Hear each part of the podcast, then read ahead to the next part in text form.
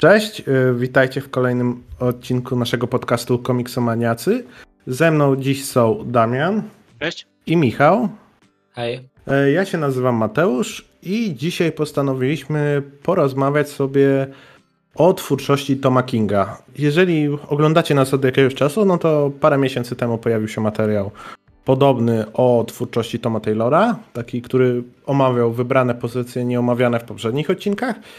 I tutaj chcemy zrobić coś podobnego, tylko może trochę bardziej przeglądowe, bo o tych pozycjach Kinga w sumie nie mówiliśmy za dużo, bo tego naraz dużo nie wychodzi. Na początku stwierdziliśmy, że porozmawiamy sobie o takiej, bardziej typowej superbohaterszczyźnie, to co pisał bardziej wokół tej głównej linii wydawniczej, czy tam w głównym uniwersum, a później powiemy o tym, z czego King jest tak naprawdę znany, czyli z tych swoich 12-zeszytowych maxi serii. To będą takie krótkie wzmianki, to wspomnę tutaj o naprawdę niezłym komiksie, o którym już wspominałem chyba w poprzednich odcinkach, ale wspomnę jeszcze raz, czyli Superman Up in the Sky. Y, jest to historia, która ukazała się pierwotnie w ramach takiej, takich komiksów, które szły do Walmarta. Jeżeli ktoś nie wie, co to jest Walmart, to to są takie amerykańskie Lidle Biedronki. Po prostu no, taka duża sieć dyskontów. I DC miało swego czasu inicjatywę, że właśnie tam będzie wypuszczać komiksy, takie gorzej wydane dla dzieci, żeby, e, żeby zapoznać nowych, przyszłych czytelników właśnie z tym, co tworzą. I właśnie w ramach takich tomów ukazał, ukazywał się Superman Up in the Sky. No i później został zebrany w jednym tomie, to jest sześć zeszytów, o ile dobrze pamiętam. Mm, jest to historia, która trochę na uboczu, ale o Supermanie, taka pasująca do tej postaci, bo to cała fabuła opiera się na tym, że Batman informuje Supermana, że kosmici porwali dziewczynkę. E, no i Superman e, stwierdza, czy zostaje namówiony przez Batmana, że no musi ją uratować i z tego powodu no leci przez kosmos e, do właśnie do, żeby odbić tą dziewczynkę i ją uratować. Właśnie obserwujemy tą jego drogę, kiedy on właśnie kontaktuje się z Lois na przeróżnych planetach, troszeczkę mamy przemyśleń na temat Supermana właśnie.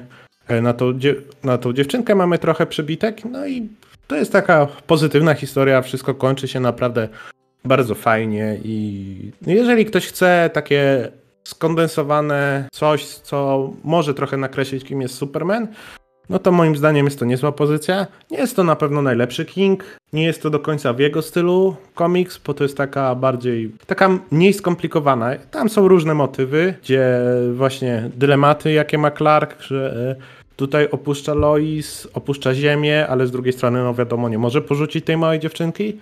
No to są takie typowe właśnie y, problemy supermenowe poruszane. Klimatycznie to wszystko kończy się bardzo fajnie, jest piękna scena, jak się po prostu Superman przytula z tą dziewczynką. No, bardzo przyjemna rzecz. Ja polecam. Coś no, macie może do dodania? No, mi też się w sumie podobało. Problem z tym jest taki trochę, że to nie jest aż tak zapadająca w pamięć historia. Przez to głównie, że chyba, no bo po prostu każdy tam te kilka stron, które było w tym, e, w tych wydaniach Walmartowych, które później były wydane w zeszytach e, już normalnie, no opowiadały właśnie jakiś fragment tej, tej podróży Supermana. No i właściwie wszystko to się składało z takich scenek, tak? Które były czasami fajniejsze, jakieś bardziej kreatywne, a czasami takie no trochę zapychające, chociaż no nie byłbym w stanie teraz sobie przypomnieć e, ile tego było, jaka była proporcja. W każdym razie e, no myślę, że jeśli ktoś chciałby coś takiego krótkiego z Supermanem, to jak najbardziej. Pamiętam, że była swego czasu, jak to wychodziło, jakaś drama o to i to było trochę dziwne, ale jeśli słyszeliście o tym, no to się nie martwcie tam w sumie ta... Jeśli się przeczyta ten komiks, to, to się zrozumie intencja autora i nie ma tam właściwie o co tą dramę prowadzić. Ja pamiętam, że no, trochę bałem się tego czytać, bo wiedząc co, co King zrobił wcześniej z Batmanem i że no, ci pierwszoligowi bohaterowie niespecjalnie mu wychodzą, ale w końcu przemogłem się, już przeczytałem to nie, nie tak tymi osobnymi rozdziałami, tylko w całości i nie pamiętam w tym momencie nic z tego komiksu, czyli musiał być po prostu taki przeciętny, bo nie, nie, nie było w nim nic, co by mnie tak zachwyciło, żeby to pamiętał, a gdyby był paskudny jak jeden z jego komiksów, o którym pewnie później powiemy, to tym bardziej bym zapamiętał, więc no, był po prostu ok, czy średnie czytadło? No to taka właśnie pozycja na, na raz, która da trochę przyjemności z czytania, ale właśnie dobrze Damian powiedział, że no nie zapada to w pamięć. No dobra, to teraz y, chwilę o czymś, o czym już mówiliśmy dwukrotnie, czyli to jest Supergirl Woman of Tomorrow. Ja już to wspominałem dosyć niedawno w odcinku o zapowiedziach Gana. Y, kilka miesięcy temu w tym naszym takim przeglądzie DC, który robiliśmy, który swoją drogą można byłoby kiedyś zaktualizować. No to jest historia tutaj dla tych, co jeszcze nie słuchali poprzednich odcinków. E, to jest historia, gdzie Kara kończy 21 lat, opuszcza Ziemię, żeby raz, no trochę poświętować, bo jak to kryptończycy na Ziemi, no nawet głupiego piwa nie wypije, bo po prostu zmetabolizuje się tak szybko, że no tak jakby wodę piła. A dwa, no żeby troszeczkę jakby siebie poszukać w tym wszystkim. No i to jest historia o tym, jaką Kara jest postacią i jak ona się różni od Clarka, jak się inaczej wychowywała, to jest adresowane, jak troszeczkę inaczej patrzy na, te, na rzeczy. Po prostu King tutaj postanowił Karę jakby określić nie tylko w kontekście Supermana, ale przede wszystkim właśnie w kontekście jej samej. E, do tego jest to naprawdę świetny setting, bo to jest takie połączenie sci-fi z fantazy, Dodatkowo jest ślicznie zilustrowane, dialogi, historia, to wszystko są, jest super. E, to jest już cięższa historia niż w przed chwilą przytaczanym Supermanie. Tutaj już e, dzieje się. No i ja powiem tyle, że to jest jak na razie cały czas, mimo że do tego materiału nadrobiłem kilka tytułów, cały czas to jest moje top 1 Kinga, bo to mnie tak urzekło przy pierwszej lekturze. E, później, jak sobie jeszcze przeglądałem, e, dalej mnie chwyta, że no naprawdę będę to sprawdzał regularnie. Nie mogę się doczekać, aż wydadzą to u nas w Polsce w jakimś porządnym wydaniu. Cieszę się, że Gun inspiruje swój film na tym, czy tam swój. Gun zapowiedział film, który będzie tym mocno inspirowany. Coś to też znaczy, że właśnie tak świeży komiks, który skończył się przecież w zeszłym roku, już dostaje swoją adaptację, więc no ja uwielbiam ten komiks. To jest Będę do niego na pewno jeszcze wiele razy wracał. Każdemu polecam się zapoznać. Najlepiej na jakimś dużym ekranie z, do, z dobrymi kolorami, albo je, jeżeli tradycyjnie wolicie, to na papierze, w jakimś konkretniejszym wydaniu, nie w tym takim klasycznym, małym, bo to naprawdę na im większy ekran z lepszymi kolorami albo lepszy papier w większym formacie, naprawdę doceni się też te wizualia. No, ja uwielbiam po prostu. Ja w sumie mogę powtórzyć po Matim. E, u mnie nadal Mr. Miracle jest chyba trochę wyżej, ale to też z tego powodu, że dawno do niego nie wracałem i po prostu pamiętam go jako ten monolityczny komiks Kinga, najlepszy, który, który zrobił na mnie takie wrażenie jak na wszystkich. E, ale no, Supergirl jest na, zdecydowanie na drugim miejscu i też właśnie bardzo mnie cieszy decyzja Gana.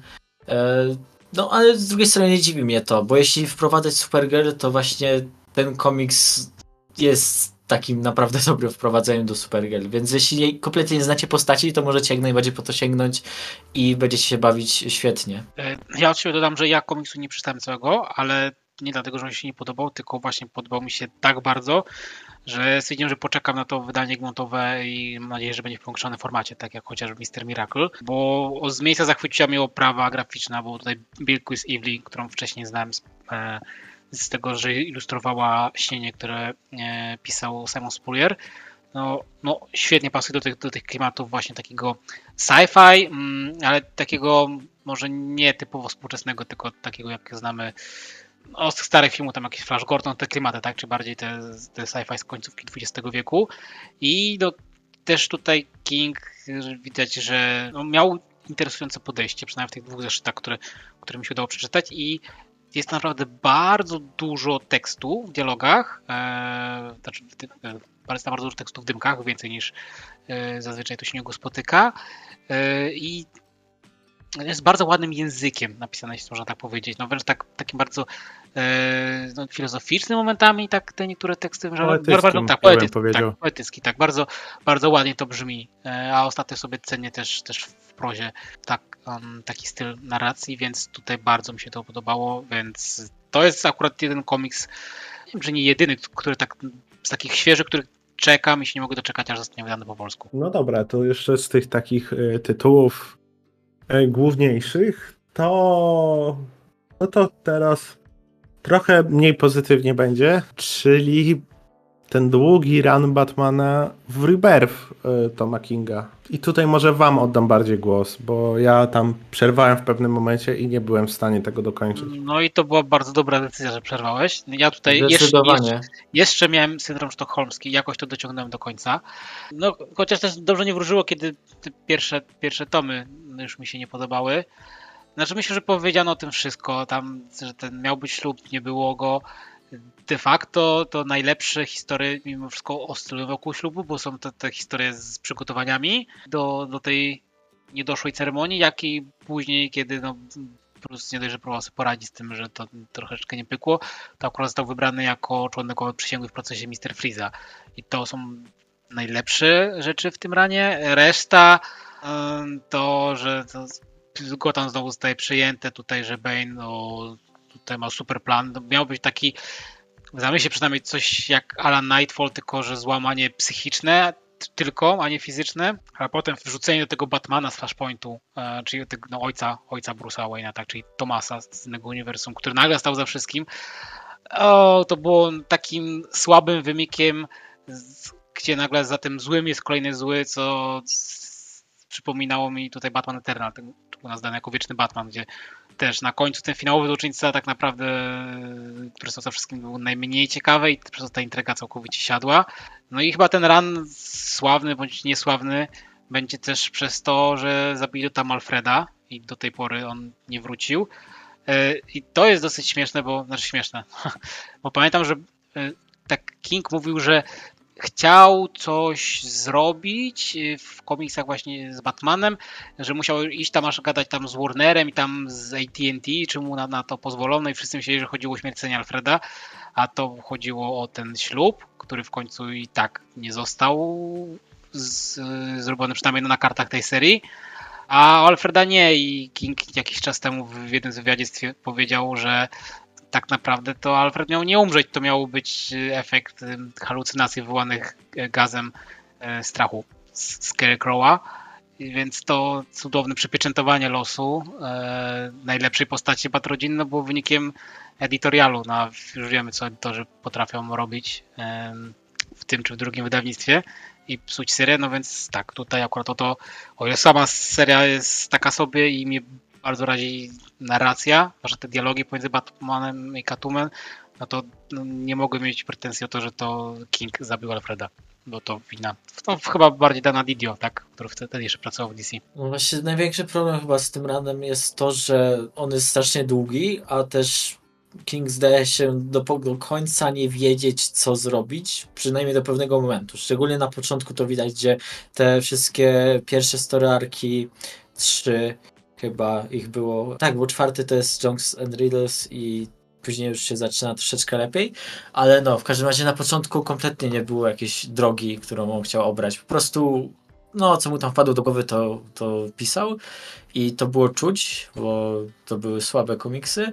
Później troszeczkę się to polepszyło, coś tam właśnie nabrało to sensu, właśnie e, Batman oświadczył się Selinie i była to droga do ślubu, która zdecydowanie jest najlepszym elementem i do dzisiaj pamiętam e, te zeszyty e, z podwójną randką Supermana i Batmana. I, no, to był highlight serii. Tak, zdecydowanie. To jest, to jest. To jest serio jeden z moich ulubionych zeszytów Batmanowych ostatniej dekady, jak nie więcej, no bo to były naprawdę dobre rzeczy, a no niestety reszta ranu, no to to była już bieda, szczególnie druga połowa, kiedy troszeczkę wyszło jak bardzo, znaczy dobra, może nie do końca jest to też wina Kinga, mi się wydaje, że tutaj Didio też miał dużo, dużo do mówienia, jeśli chodzi o to, jak w ogóle ten Batman jest sportretowany, że on jest aż za bardzo e, taki, no nie wiem jak to określić, taki e, mazgajowaty troszeczkę, troszeczkę właśnie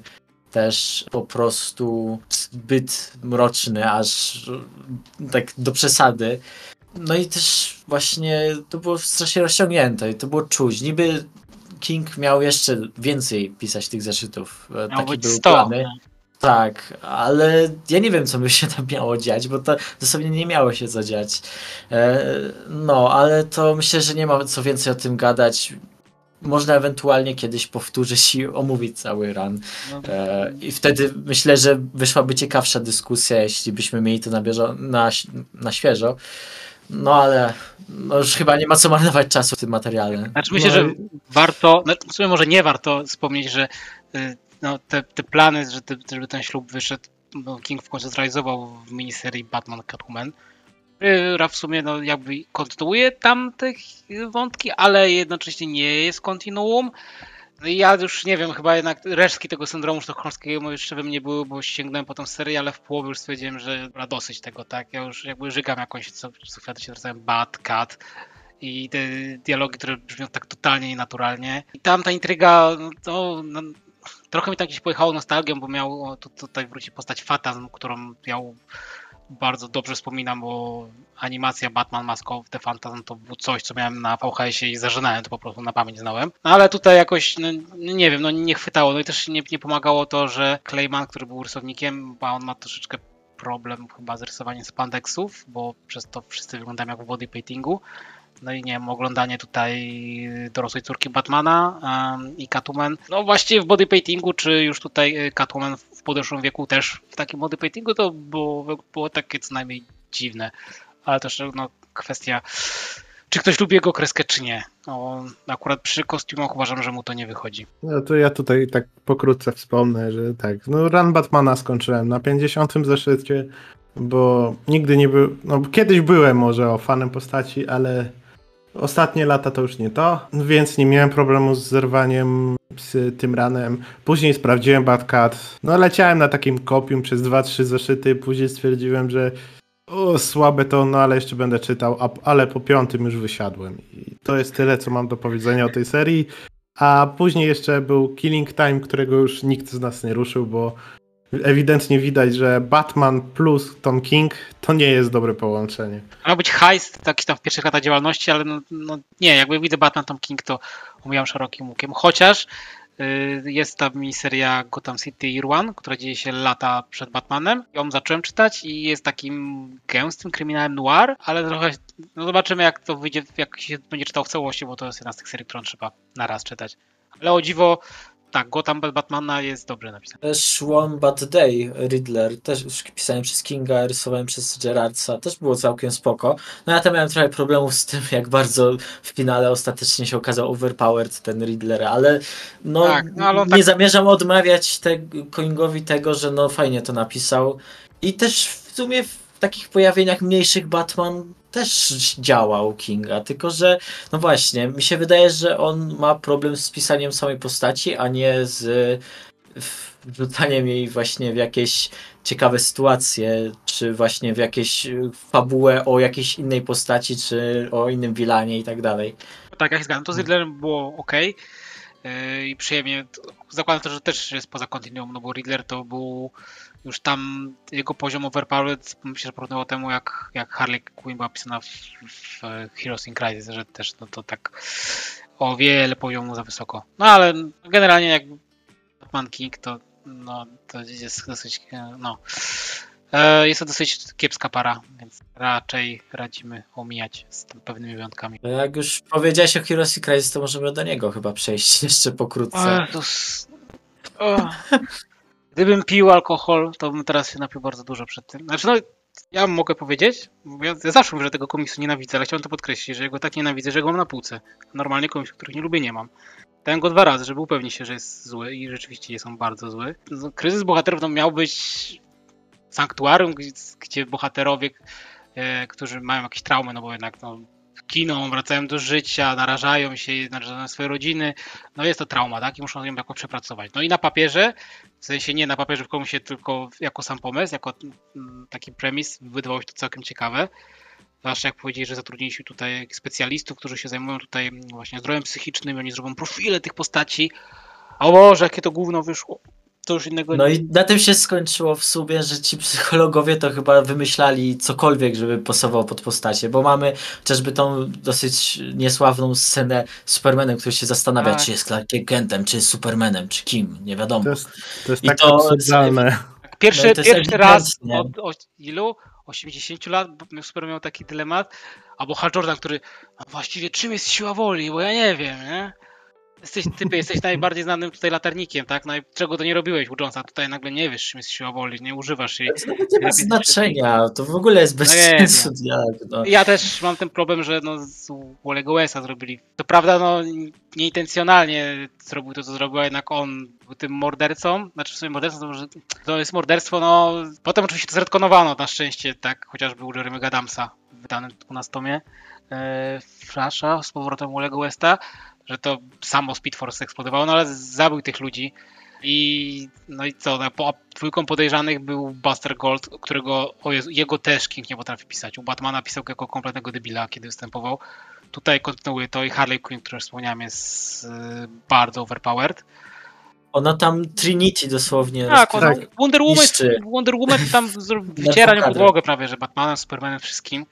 E, no o ile jasne, sam pomysł był słaby i tak trójka głównych bohaterów tam totalnie nie pasuje, no ale to znowu hej, decyzja wydawnicza, bo miał pomysł, no, no widać nie za dobry, no, z którym przyszedł do DC i to DC miało, miało zdecydować, że ej, jest dwóch podejrzanych, jeden morderca, pokażcie kto ma być kim. No, się zdecydowało dosyć dziwnie. Akurat te postacie, no. które no, mu nie wychodzą. No, well. Tak to jest z, tym, z tymi pozycjami w głównym uniwersum. Może no tak, to jest właśnie konstruowane na takim szokowaniu, jak Dan Didio bardzo lubi. Coś, co już w Identity Crisis było bardzo prominentne. I tutaj też mamy szokowanie, dużo właśnie zwrotów jakichś akcji bullshitowych, ale też dużo nudy, bo na przykład mamy cały zeszyt, nie wiem, o gnarku.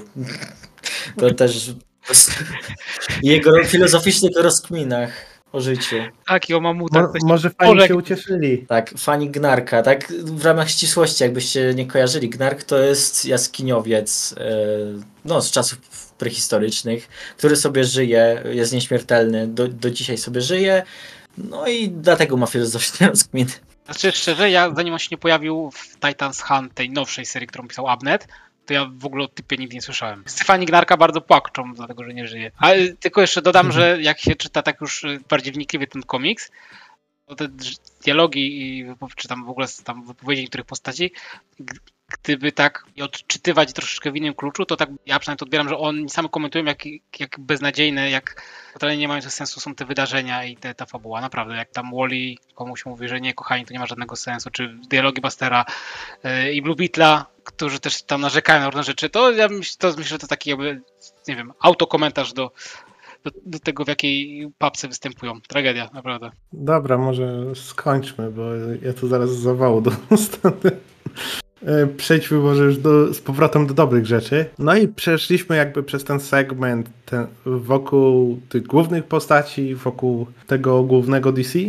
No i teraz na chwilę zahaczymy o Marvela, bo trzeba wspomnieć, że Tom King napisał jeden tytuł tam, czyli to jest Vision, który u nas się e, ukazał nakładem Story House Egmont. No i opowiada historię właśnie o tym tytułowym bohaterze, oraz o jego rodzinie. Tutaj nie będę się wdawał w szczegóły, bo już troszeczkę cza czasu minęło, odkąd to czytałem. To i Mister Miracle swego czasu, no to były takie dwa u nas głośne tytuły, bo to były te tytuły, które u nas tak naprawdę Toma Kinga w Polsce przynajmniej rozpromowały, ale już o samym tym Visionie, no to no, opowiada właśnie on historię tego androida, który tworzy sobie rodzinę, yy, która żyje na takim amerykańskim, no na stereotypowym amerykańskim przedmieściu, że tutaj są takie domki, jeden obok drugiego, każdy niemal identyczny, yy, witają się z sąsiadami co chwilę.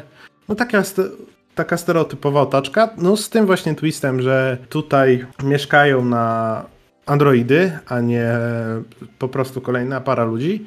E, z dziećmi. No i śledzimy właśnie tą historię. Jest troszeczkę e, rozliczenia się z przeszłością, jest dramat rodziny, dochodzi właśnie do morderstwa. No mamy właśnie perypetię tej rodziny, mamy też troszeczkę o tym, o przyszłości Visiona, mamy tam właśnie rozliczenie trochę związku z Wandą, po, właśnie pod płaszczykiem takiej, można powiedzieć, trochę nuklearnej rodzinki, no wdajemy się troszeczkę właśnie w kim jest Vision, po, zostaje też nam wprowadzona tutaj postać jego córki, która później się w Marvelu jeszcze pojawia. No to jest właśnie taka fajna seria, jeżeli ktoś jest bardziej w Marvelu, żeby skoczyć, zobaczyć w ogóle z czym, no, z czym się je komiks Toma Kinga, bo też trzeba powiedzieć, że to, no, to nie jest twórczość dla każdego tak naprawdę i bardzo dobrze. No i chyba ja bym od siebie powiedział na razie tyle i wam oddam głos. Czy ja mogę powiedzieć, że to był mój komiks, no oprócz Batmana to kolejne spotkanie z Kingiem. Yy, bardzo mi się podobało. No to jest trochę, chyba nie będzie na wyrost, to jest trochę jak Desperate, Desperate House, no, to jest trochę jak Desperate Housewife, czy gotowe na wszystko, tylko że jedną z rodzin jest z rodziny androidów. Yy, I to jest też myślę komiks na tyle przystępny, że jak ktoś normalnie nie czyta komiksów, ale postaci jakkolwiek chociaż kojarzy z MCU, to też można dać, bo ja dałem koledze na prezent yy, komiksów jako tako nie czyta. Sam MCU się interesował, przynajmniej tamtego okresu. No i bardzo mu się podobało. Więc to tyle chyba, co mogę powiedzieć. Jeden z tych lepszych komiksów Kinga zdecydowanie. No zdecydowanie. Tym bardziej biorąc pod uwagę, że on jest in continuity Marvela, nie? Więc to nie jest jakiś projekt na boku, który może sobie robić co chce. Ale no mógł sobie tutaj trochę porobić co chce mimo wszystko i to wyszło jak najbardziej na dobre. Mi przede wszystkim się bardzo klimat podobał, który był po prostu taki, no właśnie ta sielankowość była bardzo dziwaczna momentami, przez co no to aż pod często pod taki thriller podchodziło, jeśli nie horror. No, może horror to trochę przesada, ale nadal e, bardzo taki thrillerowy klimat, który e, no, trzymał przy tym komiksie zdecydowanie. A też jeśli się kojarzy trochę przeszłość Visiona, to też na pewno będzie fajna lektura, bo dużo jest właśnie powrotów różnych postaci z, z przeszłości tego bohatera. Także myślę, że to jest akurat taki komiks Kinga, który podejdzie w sporej ilości osób. To nie będzie. E, to nie jest taki Tom King, który, który można by było jakoś bardzo dużo wybrzydzać, bo on, on łączy tutaj właściwie te elementy najlepsze u Kinga i też takie. No jest to po prostu komiks in continuity Marvela, więc e, musi się wpisywać niektóre elementy, przez co King też nie może za bardzo polecieć w jedno, w jakąś dziwną stronę, także no jest to tak bardzo fajnie wyważone, także polecamy. No wyszło po polsku, więc myślę, że jeśli słyszeliście o tym komiksie, to już pewnie go polecano nieraz. Że jest na miękko w normalnym formacie, więc też jego cena nie jest taka duża jak chociażby e, DC Deluxe. Dosyć no i, to, no i to jeszcze jest przed podwyżkami cen, więc naprawdę okładkowo stoi już nieźle. Kup, mało gdzie. Kupcie, bo do druki będą droższe pewnie. Jak, jak już będą. No na pewno, pewnie z 10-20 zł drożej będzie. Oj, ale chyba nie brakuje tego, bo jakoś ceny na tym, na rynku wtórnym nie są wysokie tego, także. A warto. No to to był jakby jedyny tytuł w Marvelu. Cała reszta to jest poza jedną pozycją to jest e, DC, Vertigo, Black Label, no ale w każdym razie tam tam to się wszystko kręci. No i jedna pozycja z Image jest to Love Everlasting. Ja bym teraz może do tego przeszedł, bo to jest trochę coś innego, nietypowego. To właśnie teraz wychodzi, ukazuje się w USA. Niedawno skończył się pierwszy story arc, wyszło tego pięć zeszytów. To jest pierwszy komiks Kinga, którego jestem w stanie stwierdzić, że da się czytać zeszyt po zeszycie, bo poprzednie bardzo dużo tracą, a tutaj naprawdę ta intryga, to wszystko jest tak rozpisane, że naprawdę czytanie zeszyt po zeszycie moim zdaniem będzie miało sens. Czy to się sprawdzi, to nie wiem. To jest na razie po przeczytaniu pięciu zeszytów naraz, ale mam takie wrażenie, że one są tak rozpisane właśnie, że się da. Jak wyjdzie kolejny, przeczytam od razu, nie będę czekał na cały drugi story arc i wtedy może zmienię zdanie. Co, dla mnie też jest nietypowe, że jak tak za kulis, jak robiliśmy rozpiskę, to żeśmy zapomnieli, że to jest komiks Kinga w ogóle, bo on jest tak bardzo niekingowy. Czytając komiks Kinga, wiesz, że ten sposób jakiejś narracji, no czuję, że to jest komiks tego autora. Tutaj nie. Przynajmniej ja tak miałem. Że ja ciągle zapominam, że to jest komiks tego autora. A też czytam na bieżąco i to dosyć ciekawe doświadczenie. No bo tu King bierze sobie te motywy z tych takich starych, komiksowych e, romansideł, z czegoś, co zajmował chociażby Marvel, zanim się stał prawdziwym Marvelem. I mamy tą główną bohaterkę, tak, która jakby przeskakuje do różnych e, epok, tam czy realiów, co zeszyt. Za każdym razem, kiedy znajduje miłość swojego życia, to ktoś się pojawia i ją zabija. Nie wiesz o co chodzi wciąż. Akurat nie, trochę się to zaczyna wyjaśniać w piątym zeszycie, no, no tak, ale, ale, zostajemy z cliffhangerem, także zobaczymy co dalej, to, ale to tak naprawdę streściłeś cały motyw. Już tam nie ma więcej co opowiadać, bo to po prostu każdy zeszyt to jest taki krótki romans właśnie, który się kończy ty, tym, co Damian powiedział. I no to jest, na pewno to jest bardzo nietypowe dla Kinga i zupełnie inny klimat. E, wizualnie też to zupełnie nie, nie jest podobne do innych e, klimatów Kinga, bo to do innych komiksów Kinga, bo to jest takie mocno kartunowe, to są te rysunki i takie dużo prostsze, które tutaj świetnie się moim zdaniem sprawdzają właśnie w takim pseudoromansie. No i ja czekam co dalej. To się ukazuje nakładem Image Comics, więc ciekawe kto to, czy to u nas wydadzą. Ja mam, ja tu liczę, że kiedyś Nonstop Comics, może Mucha, może jeszcze ktoś indziej. A nagle? O, no właśnie, nagle, nagle komiks. Mucha nie, bo nie dadzą na teraz... twarde i będzie za drogo. Ale wiesz, chodzi mi o to, żeby ktoś to wydał. No dobra, ale tutaj właśnie więcej za bardzo nie ma co o tym mówić, bo to jest jakby dopiero pięć zeszytów, bardzo przyjemne. Pięć zeszytów. Jest to już taka liczba, że można na pewno wskoczyć, zobaczyć, czym to się je. Nawet zresztą już okładki, I... okładki są dosyć wymowne, bo są robione w takim starym stylu, gdzie mamy dialogi na, na okładkach między postaciami. No to by było w sumie o tym na tyle. Dobra, i teraz sobie przejdźmy już, już stricte do tych tytułów DC albo Vertigo.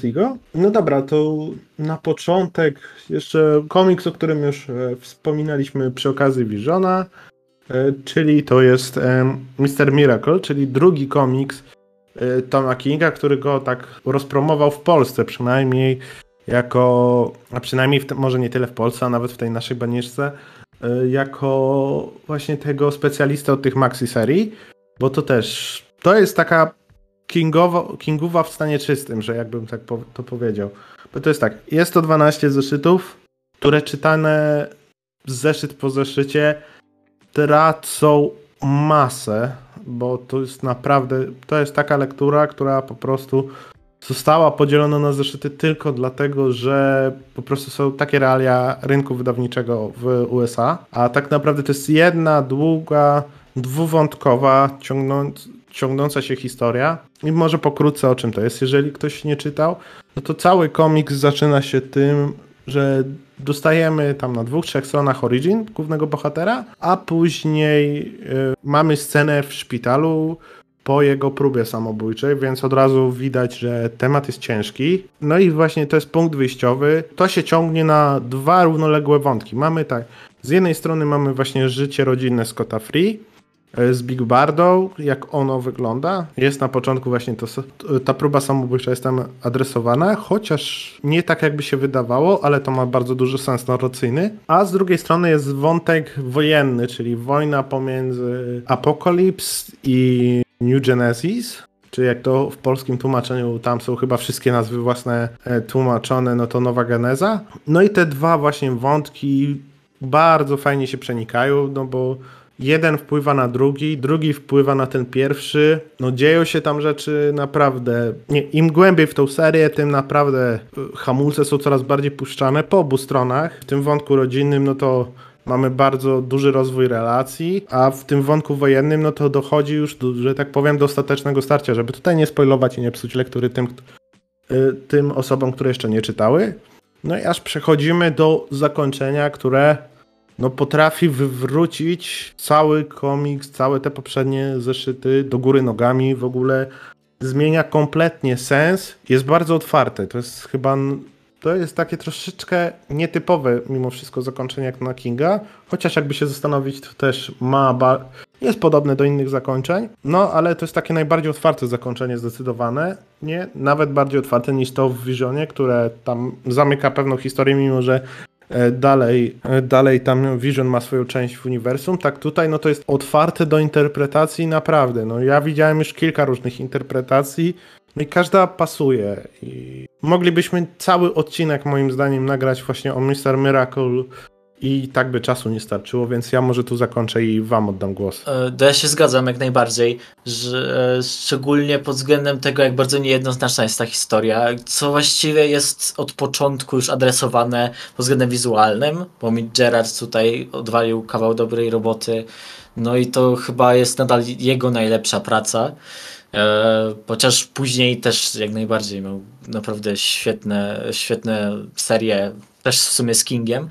E, I też trochę się odwołam do tego, co powiedziałeś na początku, Mateusz. Mi się wydaje, że Mr. Miracle był tym sukcesem Kinga, takim pierwszym, większym sukcesem Kinga w ogóle w Ameryce, e, bo wcześniej jasne pisał e, Sheriff of Babylon, pisał Graysona, pisał, już wtedy chyba Batmana zaczął pisać, ale no to był ten komiks, który go po prostu wybił na, na to jedno z najważniejszych nazwisk w współczesnym komiksowie, nie? Więc wydaje mi się, że no to nie tylko w Polsce taki był hype na niego i to jak najbardziej zasłużenie, bo ten komiks nadal według mnie jest najlepszym komiksem Kinga, a nawet jeśli nie jest najlepszy, to na pewno konkuruje z tymi wszystkimi innymi, które mogliby być, mogłyby być na podium. E, no i kurde, świetne to jest. Wiem, że Damian pewnie może więcej jeszcze powiedzieć, bo czytał chociażby stare komiksy Kirby'ego o, o Mr. Miracle. Mr. Miracle e, i no i nawet pod tym względem, nie? Nawiązań, czy jakiś e, czy jakiś właśnie alegorii i tak dalej. Pod tym względem też, też ta historia dużo, dużo wprowadza ciekawych e, elementów. Także no, to tobie Damian oddaję głos. Ja tu się zgadzam z tym, co mówi Mateusz, ja mógłbym nagraniu tylko w tym roku uczestniczyć. Czy ja bardzo lubię. Ja też nie będę się za bardzo rozwodził, po prostu dziękuję recenzję, którą kiedyś napisałem na, na, na naszym fanpage'u. Y, to jest z zaznaczeniem oczywiście Supergirl nie, nie przeczytałem całości. To jest mój ulubiony komiks Kinga. Jest, uważam to zdecydowanie za arcydzieło. Jeśli miałbym brać pod uwagę komiks superbohaterskie z ostatnich, nie wiem, dwóch dekad, to jeden z takich, które zdecydowanie się powinien zapisać w kanonie. Um, no tak, to co Michał stwierdził, tutaj Gerard co to walił kawał dobrej roboty, rysunkowo jest to świetne. Jest to duży hołd dla Jacka Kirby'ego. Są nawiązania do tego oryginalnego ranu, który znam i też, też bardzo lubię. Zwłaszcza jest tam jedna ze scen, no też nie chcę spoilować, ale znając to, co było w Kirby, nagle to staje się taki mindfuck, myślisz, co? Czy to tylko jest taki, że on się tam tylko przejęzyczył, przypadkiem powiedział to słowo, czy jednak nawiązuje do tego, co było u Kirby'ego, więc co było u Kirby'ego, to jeszcze bardziej zaczyna nas wątpić, czy to, co się dzieje, jest prawdą. No bo to w sumie nie, nie, nie będzie jakiś spoiler, że Delnik jest przez długi czas wodzony za nos, czy to, co się dzieje się naprawdę, czy też nie. Nie tylko Scott zaczyna wątpić w to, ale my też i do końca to też nie jest jasne i to jest komik, który jest najbardziej otwarty na interpretację i to w sumie do nas należy. E, ostateczny wybór no jest, jest świetny, świetny. Ja nie chcę się powtarzać, bo mam nadzieję, że ktoś tą recenzję przeczyta. E, myślę, że już nie uda mi się aż tak sprawnie powiedzieć, jak wtedy napisałem, bo nie skoryguję się sam w trakcie wypowiedzi, ale tak, ja tu uwielbiam no i cieszę się, że to akurat wyszło w DC Deluxe, może było trochę drożej, to jednak ten większy format też robi robotę przy, przy tych rysunkach. No to świetna rzecz, naprawdę. Niech o jakości tego komiksu świadczy to, że dałem go mojej mamie i ona też go przeczytała i jej się bardzo, bardzo podobało. E, także no, wydaje mi się, że to jest taki komiks, po który można sięgnąć, jeśli właśnie się chce e, wiedzieć samemu przed sobą, czy, czy interesuje nas ten King, czy może jednak to trochę dla nas przesada i wolimy coś innego, bo no, to jest taki sztandarowy przykład tego Kinga, tak jak w sumie Mati na początku wspomniał.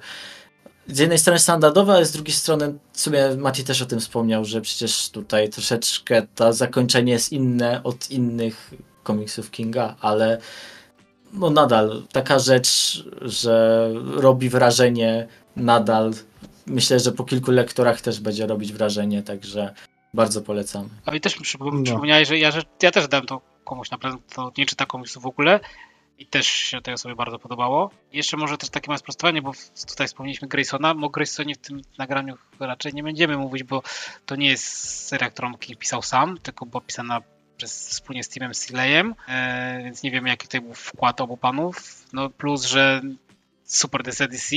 Przed samym końcem kilka numerów odsunięto ich i jakichś dwóch innych wyrobników weszło, żeby na chybcika zakończyć ten run, więc było spoko, ale no, nie wiemy ile tam jest Kinga w Kingu. Jakby, jakbyście nie wierzyli mamie Michała czy znajomemu Damiana, e, to ja powiem, że ta seria zgarnęła Eisnera za najlepszy komiks, e, King zgarnął za to Eisnera za, za scenariusz, za, jako best writer, a za najlepszego artystę bo to był Eisner w 2019 roku, zgarnął e, Mick Gerard, więc po prostu zgarnęła wszystkie główne kategorie ta seria. O, to świadczy o jakości. Okej, okay, no to mamy ten na razie najbardziej nagrodzony to, e, komiks Kinga i będący zdecydowanie w topce u nas wszystkich, czy to na pierwszym, czy to na drugim, czy na trzecim miejscu, to mniejsza, w każdym razie bardzo wysoko. A teraz przejdziemy do tytułu, który ukazał się w ramach Vertigo, który no wydało Vertigo, ale tak naprawdę no to jest komiks niezależny. Jest to tytuł Szeryf Babilonu,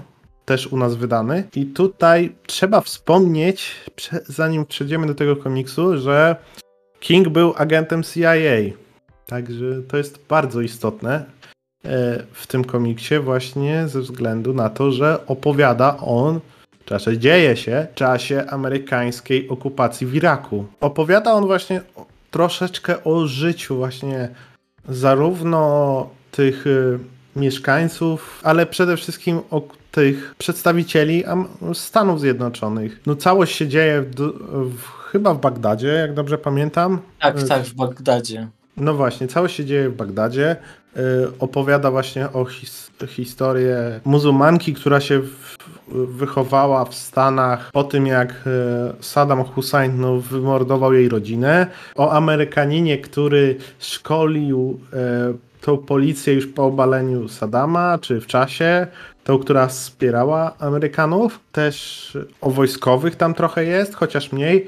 Jest też, tam się przewija też postać E, policjanta, który za Sadama był w jego siłach, później po obaleniu przeszedł na stronę amerykańską i, i, z nimi współpracował. Też jest troszeczkę wspomniane o tej drugiej stronie. No i powiem tak, to nie jest komiks dla każdego zdecydowanie.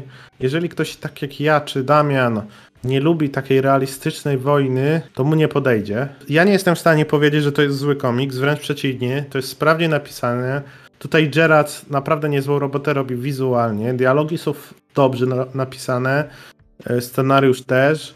No ale to jest coś. Po prostu to jest setting nie dla mnie, więc jeżeli lubicie setting, to na pewno polecę. Jeżeli nie, nie jarają was takie ciężkie tematy, to można odpuścić. Też ten komiks, już tam przechodząc do niego, on się nie patyczkuje. Tutaj naprawdę to jest 18, tam nie ma, nie ma żadnej cenzury. Jak ktoś dostaje postrzał, to go widać. Jak y, kogoś torturują, bo jest scena tortur, tutaj ostrzegam, to też to jest pokazane. Może nie tak już z każdym szczegółem, bo już nie robią tutaj eksploatacji, ale też się nie ograniczają. Nie pokazuje całe szczęście, pomimo że King właśnie ma tu swoją przeszłość. Tak, że Ameryka good, Irak bad, że tak to nazwę. No nie pokazują, może przez to, że to już wychodziło, kiedy wychodziło, czyli to już 2015-16, no to już trochę od tej inwazji na Irak minęło, e, która dzisiaj jest oceniana w 100% negatywnie. już wtedy no, była oceniana no, niezbyt pozytywnie, przynajmniej e, w coraz większej części społeczeństwa amerykańskiego. No i jeżeli właśnie interesują Was troszeczkę takie bardziej przyziemne, tem przyziemne no to wojna, no ale przyziemne tematy, z którymi się można troszeczkę bardziej utożsamiać, odnieść do rzeczywistości, to Warto przeczytać, ale jeżeli jesteście trochę wrażliwi na właśnie na takie ciężkie pisanie i jednocześnie no, ciężką treść, no to może to nie być komiks dla was. Ale to jest dobra pozycja, to jest dobry komiks, tylko po prostu nie są dla mnie. I tutaj może oddam wam głos, bo wiem, że Michał czytał. No czytałem już jakiś czas temu i to nie zdążyłem niestety powtórzyć sobie tego przed nagraniem.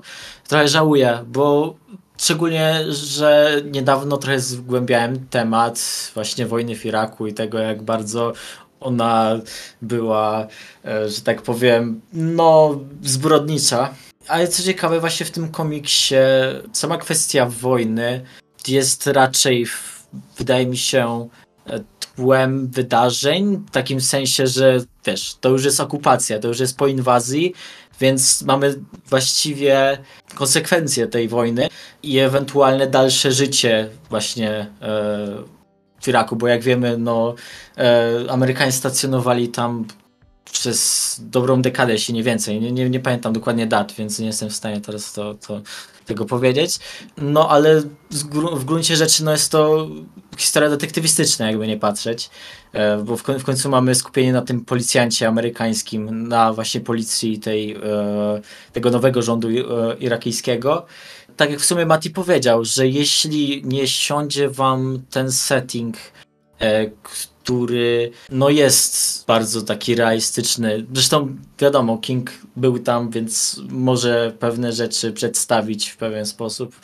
Co prawda też on to też e, nawet chyba gdzieś pisał, nie wiem czy nie we wstępie do tego komiksu, że on nie chciał do końca e, oceniać tego, co tam się działo, tego, co Amerykanie zrobili, przez to, że jest za bardzo z tym związany. No ale jakby od tego się też nie da uciec, e, więc e, jakieś tam te elementy są w tym komiksie e, poruszane. No tak jak w sumie Mati powiedział, no nie dla każdego, ale ja polecam, mi się bardzo podobało i chcę do tego zdecydowanie wrócić, bo no mnie bardzo takie historyczno-polityczne kwestie interesują. Jeśli Was interesują, to też pewnie Wam się to spodoba. Ja bym nie powiedział, że mnie nie interesują polityczno-historyczne kwestie, tylko ja to wolę jednak w formie e, dokumentu, po prostu, gdzie się wypowiadają historycy, też świadkowie wydarzeń, ale może nie w takiej formie fabularyzowanej. Jeżeli ona jest tak, tak na serio, może jakby to zrobiono, by, zrobione było w bardziej humorystycznie, żeby troszeczkę rozładować to napięcie, to by mi bardziej podeszło. No ale to nie jest zły komiks. No ale to wtedy setting musiał być zupełnie inny, bo nie, nie przeszłoby zrobienie w tym settingu e, takiego bardziej, mniej poważnego komiksu. No powiedzmy sobie szczerze. Zresztą no, King dosłownie... Za od wy wydarzeń po prostu jeszcze.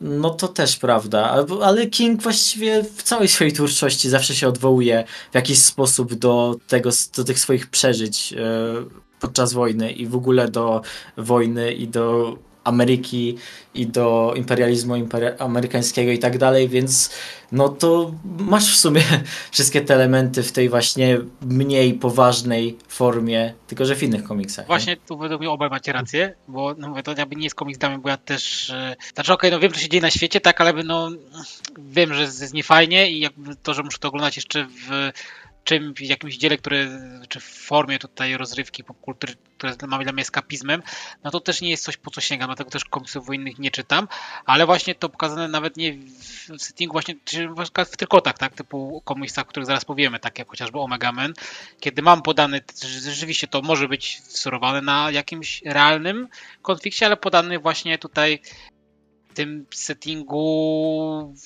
kosmosu DC, tak, który może być oczywiście, czy nawet pewnie jest alegorią do, do prawdziwego świata, to w taki sposób przynajmniej działa, yy, jakby łapie te wszystkie nawiązania, i, ale jakoś no jest dla mnie taką ciężką lekturą, kiedy czytam o tym, co się rzeczywiście dzieje. Wiem, że rzeczywiście takie rzeczy naprawdę miały miejsce. No to no, kwestia wrażliwości. Więc. Polecamy jakby tę opozycję no warunkowo. Jeżeli wam nie przeszkadza setting, to tak. Jeżeli przeszkadza, to ja bym jednak odpuścił. Warunkowo, że tak powiem, polecamy, bo to, to jest dobrze napisane. Tak jak już Damian przed chwilą wspomniał, e, właśnie o Omega Man, to może właśnie przejdźmy do tego Omega Man, zanim przejdziemy już do tych najwspółcześniejszych pozycji. Czytając Omega Man, można fajnie zauważyć, jak się King rozwinął od tamtego czasu, bo to jest jedna, chyba jego ta pierwsza z tych maxi serii, e, którą dzisiaj omawiamy, bo to, to się już ukazało lata temu, to już u nas wyszło dawno. Pewnie gdzieś chyba można to jeszcze dostać, a jak nie, to na pewno jest w bibliotekach. Całość się dzieje w zakątku tego kosmosu DC.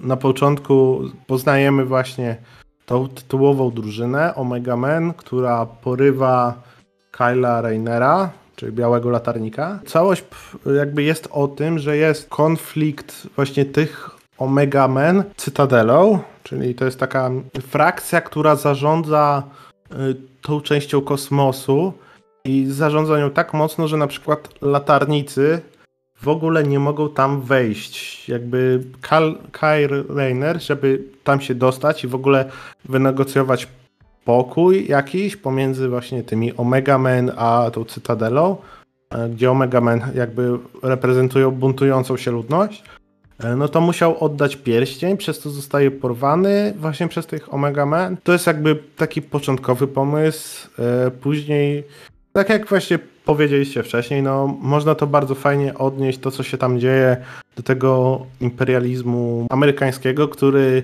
swego czasu no, najeżdżał e, na państwa Bliskiego Wschodu, gdzie po prostu niósł demokrację z bombami, no to tutaj ta cytadela jest takim trochę oczywiście jakby przejaskrawionym mocno, podbitym odpowiednikiem tych Stanów Zjednoczonych, którzy jednocześnie, którzy właśnie rządzą twardą ręką, e, tutaj podbijają te planety, ale jednocześnie dzięki temu E, co jest dosyć istotne, mogą wydobywać z tych planet surowce, które pozwalają innym planet, planetom uniknąć losu kryptonu, e, czyli po prostu wybuchnięcia w przestrzeń. No i tutaj może nie będę więcej opowiadał. Tam wspomnę, że w tych Omega Men są jakby reprezentanci wysoko postawieni z tych planet, które podlegają pod Cytadelę. Tam jest przecież księżniczka jednej, jest, e, jest jakby prawowity władca drugiej, jest e, dziewczynka ocalała z planety, która została właśnie podbita i wyeksploatowana w ogóle z, e, z tych surowców,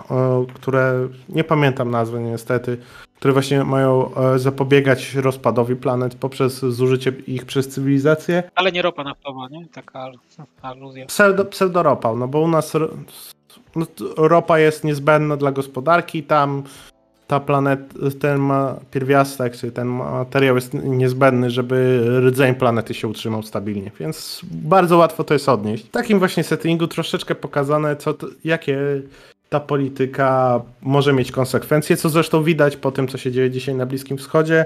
No i tutaj jest to pokazane też pod sam koniec ale może już więcej nie będę o tej fabule mówił, bo to ciężko tak krążyć bez spoilerów. Po, a jakbym wszedł w spoilery, to bym musiał po prostu całość opowiedzieć. To też moim zdaniem nie ma sensu. Po prostu to jest troszeczkę słabszy King, bo widać, że się wtedy jeszcze tak scenariuszowo nie rozwinął. Ale dalej to jest dobra pozycja i może fan tutaj głos znaczy, teraz oddam. Tak, zgodzę się, że to rzeczywiście jest King, który dopiero się e, rozkręcał. E, znaczy też obrakowałoby się nie rozkręcił, bo DC chciał mu chlasnąć kilka zeszytów tutaj był na, na tyle były dobre recenzje i głos fanów, że jednak powiedzieli, dobra, to skończ tylu zresztą ile zaplanowałeś. Yy, no tak, mówię, narracyjnie, narracyjnie, jeśli chodzi o, o to, jak pisał, to chyba jest najlżejsze, ale tematycznie, wydaje mi się, no, nie czytając yy, szeryfa, to wydaje mi się, że może być trochę najcięższy, w sensie taki najbardziej brudny, komiks, jeśli chodzi tutaj naprawdę ciężko znaleźć kogoś, komu się tak szczerze kibicowali, nawet ci, którzy są dobrzy, niekoniecznie tacy są. Właściwie takim naszym no, jedynym naszymi oczami tak na ten świat e, no, jest ten Kyle Reiner, który no, jest w tym tylko po to, żebyśmy mieli kogoś, kto jest znany no bo no nie oszukujmy się, ci Omega przez lata no jakoś nie, nie byli obecni, a znani są chyba tylko najbardziej z tego, że to w ich serii kiedyś Lobo zadebiutował. Nie jest to taka typowa rozrywka, nie jest też taka typowa Kingowa, jeśli chodzi o rzeczy z trykociarzami, ale na pewno coś ciekawego i godnego uwagi. Eee, no mówię, ale to nie jest przyjemna lektura. No ja nie mogę nic powiedzieć właściwie, bo nie czytałem ale chcę przeczytać i na pewno jeszcze bardziej mnie zachęciliście. No dobra, to tutaj tak szybko o tym Omega Man, bo rzeczywiście bez tych spoilerów nie ma co więcej mówić, zwłaszcza, że Michał nie czytał, więc też nie chcemy mu psuć lektury. No i teraz zostały nam na liście trzy ostatnie tytuły e, zakończone, które jeden wyszedł w już w Polsce, dopiero co. I chyba od niego bym zaczął, czyli to jest Rorschach. Tak, chodzi, tytuł nawiązuje do Watchmen, ale nie, nie opowiada o tym Rorschachu z e, Watchmen, o tej konkretnej osobie. I to jest, to, je, to nie jest spoiler, bo to pada, nie wiem, na pierwszym, na drugim panelu w tym komiksie, to od razu widać. No i całość właśnie polega na tym, że ktoś w masce Rorschacha plus razem z jedną dziewczyną próbowali zamordować kontrkandydata na prezydenta Stanów Zjednoczonych. Y, w tym uniwersum właśnie Watchmen, bo całość się dzieje 35 lat po zakończeniu tej oryginalnej serii Alana Mura. Te wydarzenia są już trochę zamglone. Od tej pory e, postaci z Watchmen się poza Zymandiaszem, który jest uznawany za szalonego, nie pojawiały już na tym świecie. e, przynajmniej w swojej tej superbohaterskiej formie. Jak tam działały, no to już można tylko i wyłącznie spekulować. Właśnie ten tytułowy Rorschach, czy na tym etapie tytułowy, no to podczas tej próby zostaje powstrzymany i mamy bardzo długie śle śledztwo, które momentami się ciągnie aż za bardzo, które właśnie ma doprowadzić i wyjaśnić w ogóle, co się stało. To się bardzo delikatnie też odnosi do tych Watchmen oryginalnych. To nie jest kontynuacja, tylko to jest to nie jest nawet spin-off, ciężko bym to nazwał, tylko raczej historia po prostu osadzona w świecie. Coś takiego, bo nie odnosi no, odnosi się do zakończenia Watchmen, ale w taki mocno przewrotny sposób. A przede wszystkim no, to jest właśnie historia detektywistyczna, gdzie mamy tego detektywa, który na początku w ogóle odkrywa te, odkrywa te postacie. Kim są te postacie, czyli ten Rorschach i ta jego współpracowniczka, współpartnerka w zbrodni, tak bym to powiedział. No i mamy właśnie odkrywanie y, powoli, kim są później ich motywacji, później jak już to mamy, jesteśmy gdzieś w połowie i powoli jak się w ogóle szykowali, dlaczego się szykowali, jaka ideologia za tym idzie. Mamy też y, całkiem fajne cameo jednego z twórców komiksowych. Nie chcę mówić kto, bo to jest takie fajne. No i takie zakończenie mocne jest tutaj.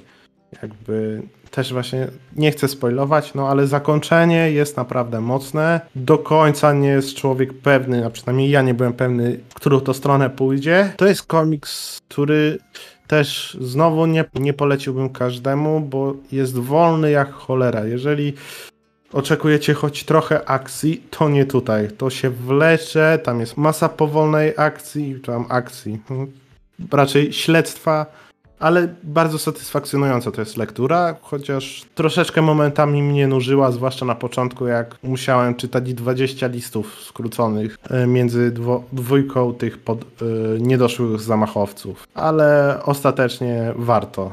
Zwłaszcza, że jak już ta sprawa naprawdę zaczyna się rozwiązywać i widać, że to wszystko ładnie się zazębia. I tutaj wam bym oddał głos. Może. Mogę, bo chciałbym ja krótko. E, no to jest thriller polityczny, który on tak jest dobry, ale jest, rozwija się powoli, ale akurat w tym wypadku według mnie to nie jest zata, tylko jest trochę jego wada, bo czasami no to tempo siada i, i mógłbym mieć zdecydowanie mniej zeszytów. Myślę, że jeden, dwa spokojnie dałby się to skrócić, żeby to było bardziej wtedy zwięzłe i zwarte. Eee, ale odnoszę też takie wrażenie, że jakby w ogóle usunąć jakiekolwiek nawiązania do Watchmen, to ten komiks nadal by działał, ale na pewno nie byłoby o nim tak głośno, nie miałby mimo wszystko jakiejś takiej no, lepszej prasy no, miał, no bo tak marka Watchmen nadal na wszystkich działa oprócz Alana Mura. Czy to jest komiks, który bym szczerze polecił? Jak Niekoniecznie, znaczy to no, raczej się nie będzie żałował lektury, ale według mnie nie jest to coś, co umieściłbym w topce Kinga. Który starszy się pewnie nadal chcieliby napisać coś na takim poziomie, no ale no, czytając y, inne wychodzące w podobnym czasie komiksy jego autorstwa, to ten jest takim okej. Okay. Czasami nudzi, ale generalnie jest ok. No chyba mi się najbardziej z was podobał ten komiks. E, znaczy, on jest faktycznie powolny i ta, to śledztwo jest troszkę się wlecze, ale mi to wcale nie przeszkadzało, głównie dlatego, że tam klimat y, szczególnie jest świetnie podbudowany, chociażby przez rysunki Jorge Fornesa. E, I, kurde, też doceniam to, że mamy zagłębienie w te postacie tych dwóch zamachowców. E, mamy właśnie oprócz tego, że no właściwie ich e, tożsamość poznajemy na samym początku. Najważniejsze są ich motywacje to, co ich, co ich w ogóle kierowało na tą stronę. No, jest to niejako też komentarz e, trochę e, na temat radykalizacji e, pewnych grup ludzi i tego, jak chociażby teorie spiskowe e, właśnie na tą radykalizację wpływają. Jest to też fajne odniesienie trochę do tego, jak, jest, jak postacie e, z tej kultury popularnej mogą wpływać na, na nas, czy poprzez nas na rzeczywistość, bo e, jakby to, to w sobie też się dowiadujemy na samym początku, więc troszkę zaspoileruję, e, że ten e, tym głównym zamachowcem jest rysownik komiksowy. I on jakby tworzy postacie w, akurat w przypadku tego świata Watchmen e, najpopularniejszymi rodzajami postaci są piraci. I to oni właśnie zdominowali rynek, nie tak jak e, u nas superherosi, tak piraci są tam popularni. No i on tworzy taką najpopularniejszą postać pirata, ale tworzy też właśnie taką postać, którą on się może identyfikować, która jest bardzo podobna do Questiona i do Rorschaka też przy okazji. E, no i to go pcha.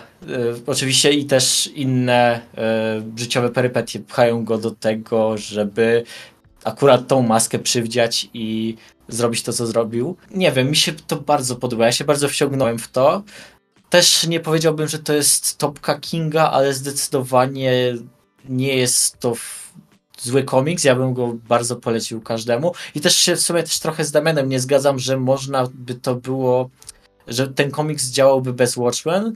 O ile sama fabuła przez większość czasu faktycznie mogła być e, przełożona na jakiś inny setting, tak wydaje mi się, że e, mimo wszystko ta konkretna historia z tymi konkretnymi motywami i z tymi e, z tą sytuacją polityczną, która tam jest przedstawiona, no musiała się dziać w Watchmen, bo tam mamy no dosłownie mamy tego Redforda, nie? który jest tym trochę znaczy on niby jest liberałem, ale z drugiej strony ma bardzo autorytatywne zapędy. Ma chociażby cztery kadencje, już jest prezydentem i ma wtyki w, w tym w służbach porządkowych i tak dalej. No a jego kandydat, znaczy jego ten e, przeciwnik polityczny, który jest kandydatem i którego który właściwie zleca to śledztwo, e, no też ma swoje za uszami, więc to też jest tak politycznie e, niejednoznaczne no, no nie wiem, ja dużo z tego komiksu wyciągnąłem i naprawdę mi się go dobrze czytało.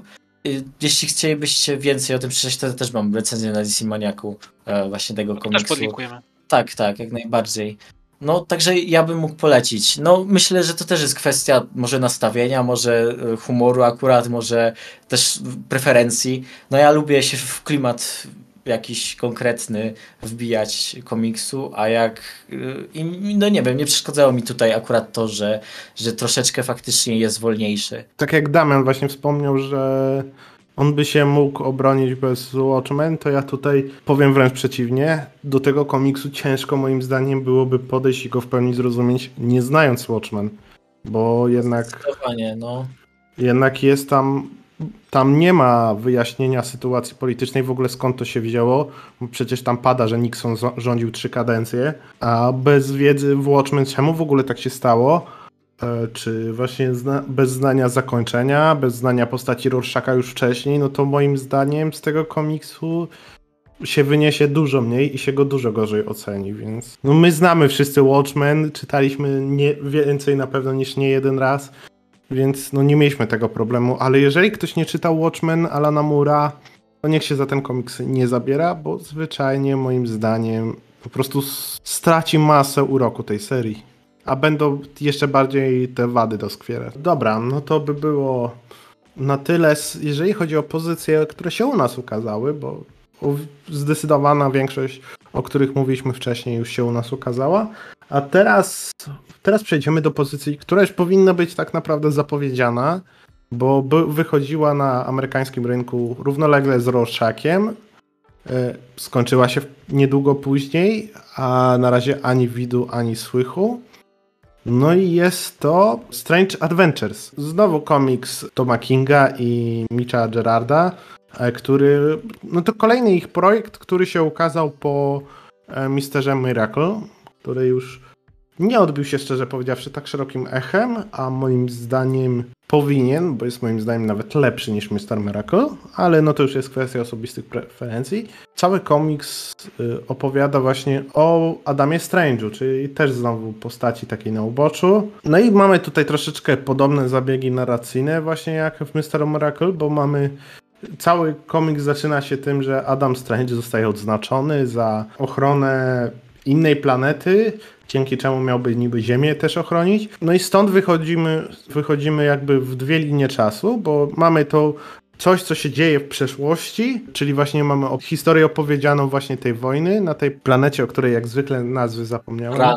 O właśnie, na planecie Ran. W linii przyszłości, która jest, ona jest jakby narysowana tak bardziej... No to mm, rysuje kto inny tak, w ogóle, to Evan no. Shanner. Tak, no i Evan Shandler ma taki bardzo styl palpowy, więc idealnie pasuje do tego. I to jest właśnie narysowane tak palpowo. No i mamy tą linię już tą główną, która się dzieje jakby po... która nie biegnie do początku komiksu, tylko od niego. No ten Adam Strange no, sprzedaje książki, tam e, jakby troszeczkę pławi się w tej sławie. Zostają mu przedstawione pewne oskarżenia, że wcale nie było tak, jak on mówi i on, on się zwraca właśnie do Batmana, który żeby ten przeprowadził śledztwo i, alb, i go oczyścił z za- zarzutów, albo jakby, no żeby go oczyścił z zarzutów tak naprawdę.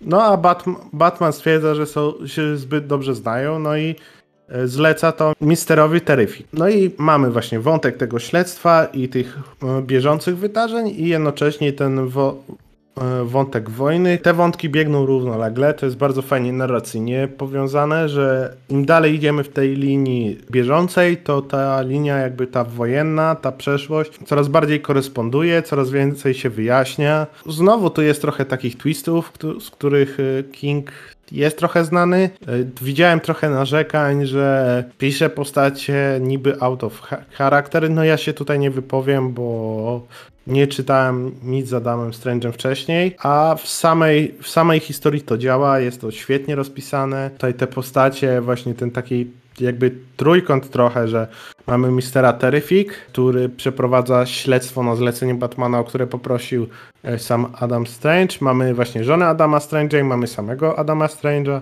I właśnie i jak to w ogóle śledztwo wpływa na relacje pomiędzy małżonkami i w ogóle jak wpływa na wizerunek Adama Strange'a publiczny i jednocześnie jak właśnie przed, mamy z drugiej strony jak jest przed czytelnikiem właśnie ujawniana jest ta przeszłość, jak to tam wyglądało, przez co Adam Strange musiał przejść. No i znowu właśnie no, można ty, też to odnieść do tych przeżyć Kinga właśnie, tych wojennych. Może już nie do końca, no bo King raczej jako tam oficer, podoficer, no nie wiem jaki miał stopień w tym CIA, no raczej nie prowadził wojsk na front, ale ale jakieś te Co wy- wywiadzie, przemyślenia- oficerem wywiadu. Bardziej taka, może trochę, może nie w terenie, tak? No inna robota, ale w każdym razie cały czas kręci, kręcimy się wokół tego tematu tak, więc wojennego. no, i... jest to, że tak, że wojna to piekło. Y, Ja mogę dodać trochę więcej, bo no nie mogę powiedzieć, że czytałem dużo z Damy Strange. Czytałem może z takich dwie miniserii z jego udziałem, czy tam z jakichś godzinnych występów go znam. No tylko on tam był rzeczywiście tym bardzo takim krystalicznym bohaterem, tym bohaterem dwóch światów. No bo on używa takiej technologii Zeta Beam, która tylko jakby no na nie wedle jego woli, tylko po prostu w pewnych momentach ten promień przerzuca go z Ziemi y, na tą planetę Ran, więc on jest właśnie, no nie tak z dzieckiem dwóch światów, tak, ale jakby no y, jest bohaterem na obu, tam, tam na, na Ran ma, ma, ma żonę i dziecko, y, ale no właśnie był pokazany zawsze takim świetle pozytywnym, gdy tutaj jakby no już na samym początku wychodzimy z tego założenia, czy on naprawdę jest bohaterem, czy po prostu to jest maska i jednak jest zbrodniarzem wojennym, tak? No, czy dopuścił się po prostu na wojnie rzeczy, no, które no, przeczą temu jego kryształowemu wizerunkowi. No i rzeczywiście to jest, jest ciekawe, że no, nie wzięto Batmana, który no, jest niby najlepszym detektywem na świecie, tylko właśnie Mister Terrifica, który znowu jest bardziej analityczny, no ale też no, on jest znany z tego, że jest trzecim najmądrzejszym człowiekiem na Ziemi. Chociaż zawsze jest tam debata, kto jest pierwszy i drugi. Ale to też jest plus, bo nie jest na tyle popularny, więc znowu mam właśnie tych, te postaci, które nie są tak popularne, bo gdyby tam był Batman, to zakładam, że byłby kiepsko napisany. Jest to komiks na pewno jest angażujący. Tak jak powiedziałeś, są te twisty fabularne i no przynajmniej jednego z nich, jak tam nie kilku się totalnie nie spodziewałem i to ci nagle stawiam rzeczywiście i postacie i cały ten konflikt, no wszystko ci troszeczkę stawia w innym świetle. Yy, Mi się Strange Adventure cholernie podobało. Jestem też zszokowany, że to Egmont tego do tej pory nie zapowiedział, no ale zakładam, że to jest tylko kwestia czasu. No i tak jakby tak po namyśle, myślę, że to jednak jest, przepraszam, i tak po takim głębszym namyśle, myślę, że to jest mój drugi ulubiony komiks Kinga, zaraz za Mr. Miracle. E, naprawdę jest świetne. Ja też e, bardzo się cieszę, że e, Shanner miał okazję się wykazać, bo jego kreska z tych kilku komiksów, gdzie widziałem, bardzo mi się podobała. No i rzeczywiście tutaj pasuje do tego kosmicznego sci-fi, właśnie takim starym stylu, mimo że to jest wojna, więc to też ciekawe w jaki sposób tak y, to ze sobą współgra, że jednocześnie mamy tą taką delikatną właśnie kreskę, ale jednak jest tam ten horror wojny, którego tutaj współcześnie nie mamy pokazanego. Za to Gerards ma dużą okazję właśnie, żeby e, pokazać tych bohaterów, znaczy zwłaszcza tutaj Strange'a i jego żonę, właśnie nie tak zawsze uśmiechniętych, jak nam się kojarzą, tylko jednak no, widać, że tam emocje się w nich buzują i że to śledztwo no, odbija się tak na ich samopoczuciu, ich wizerunku publicznym, na tym, co przeszli. No, bardzo, bardzo, bardzo interesująca lektura. E, zdecydowanie ona też zyskuje w wersji zbiorczej, bo ja próbowałem czytać na bieżąco i to tak, tak nie szło, ale właśnie przeczytanie e, tak na raz, no to zdecydowanie. E... To jest moje najświeższe nadrobienie, jeśli chodzi właśnie o Kinga, bo skończyłem to wczoraj czytać. No i kurde, się mogę zgodzić, że to jest fantastyczna rzecz i też debatuję w swojej głowie, na którym miejscu to umieścić. Myślę, że na trzecim, właśnie za Mr. Miracle i Supergirl, to jest sprawiedliwe jak najbardziej, sprawiedliwe miejsce. No i w sumie mogłem się zgodzić z wami. Bardzo mi się podoba to, jak bardzo właściwie od początku niejednoznacznie są przedstawiani ci nasi główni bohaterowie, czyli właśnie Adam Strange i Alana, jego żona. E, przez to nie wiem, ja miałem jakoś tak, że od początku, jak tylko Mr. Terrific się pojawił i był troszeczkę przedstawiany jako ten właśnie, który się tam wcina, który chce jakiś, coś, jakiś, wyciągnąć jakieś brudy. Masz go za od początku, a potem dalej tak, to... Tak. Ale właśnie nie, ja miałem tak, że ja mu od początku wierzyłem. Może to przez to, że bardzo lubię Mistera Terrifika, ale jakoś tak od początku miałem y, takie przeświadczenie o tym, że no coś jest nie tak z tym, z tym Adamem i Elaną, więc tutaj Mr. Terrific może mieć rację i no i kurde z, e, z czasem no się okazało, że miał rację jak najbardziej. E, też jeśli chodzi o te zarzuty e, napisania Adama Strange'a out of character, wydaje mi się, że to jest na tyle dobrze umotywowane, e, tym właśnie, co go spotkało podczas tej wojny i co musiał przeżyć i co później jakie były tego konsekwencje, że wydaje mi się, że to ma jak najbardziej sens, że zrobił to, co zrobił. No ale to już jest raczej mniej ważna kwestia, bo to jednak jest out of continuity, więc kogo obchodzi jak bardzo in charakter jest ta postać, skoro to nie będzie miało większego znaczenia dla uniwersum. No i też podało mi się, że w sumie Adam Strange, e, mimo że jest niby tym głównym bohaterem, to bardziej poznajemy tą całą historię z perspektywy Alany ja i Mistera Terrifika i to jest bardzo fajne, bo na przykład w Mr. Miracle jednak tam e, Scott Free jest tym główną postacią, a Big Barda jest tą, nie wiem, nie, nie pamiętam już czy czy bardziej pierwszą, czy drugą planową, no ale jednak jest obok niego, a nie nad nim. E, I ta, a, a tutaj właśnie ta Alana jest e, tą nadrzędną postacią, co ma jak najbardziej sens, biorąc pod uwagę, jak się, jak, jak się to wszystko kończy. I też bardzo mi się podoba finał z Misterem Terrificiem, bo tam ten jego wątek był tak jakoś, e, znaczy był tam wspominany, właśnie z tą jego przeszłością e, tego, że mu tam e, żona umarła w wypadku samochodowym i dlaczego jest tym misterem Terrificiem. No i to ma bardzo fajny payoff. To, to właśnie super działa. E, także no, ja bardzo polecam. Mam nadzieję, że Egmont w końcu zrobi dobrą rzecz i wyda to, mimo że już powinien dawno to zrobić, bo to w sumie się skończyło nawet chyba wcześniej niż Rorschach. Chyba tak. Tak mi się wydaje.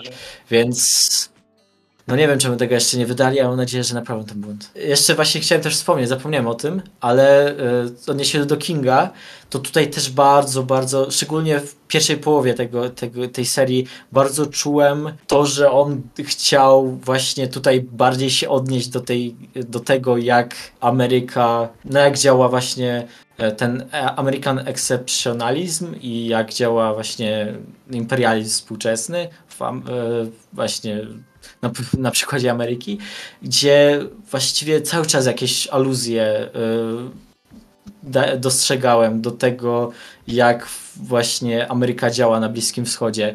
No, chociażby samo to, że Adam przecież jest z Ziemi, pojawił się na RAN i tam ten główny rząd na tym RAN próbuje sobie podporządkować te jakieś tam mniejsze grupki i tak dalej, te właśnie mniejsze społeczności, trochę właśnie je ustawić do pionu, bo to mają tam zapędy autoryta autorytarne zdecydowanie.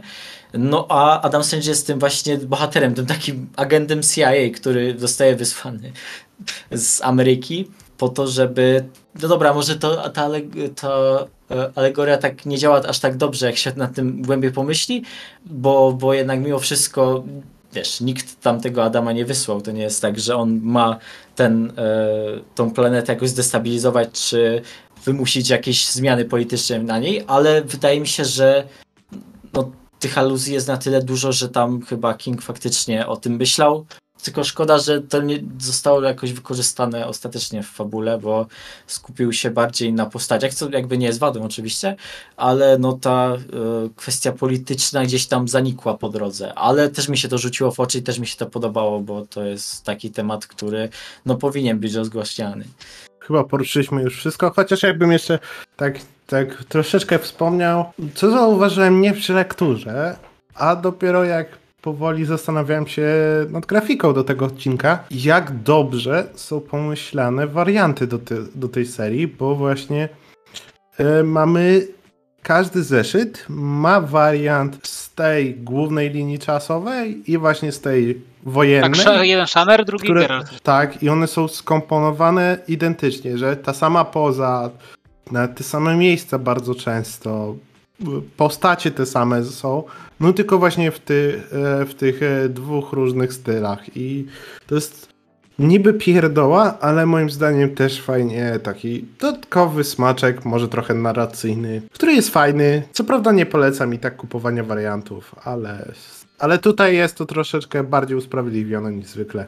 Zwłaszcza, że są ładne te okładki. To już przechodzimy do ostatniej pozycji dziś. No i to jest e, Human Target, czyli pozycja, która ostatnio się skończyła, którą Tom King współtworzył tym razem z Gregiem Smallwoodem.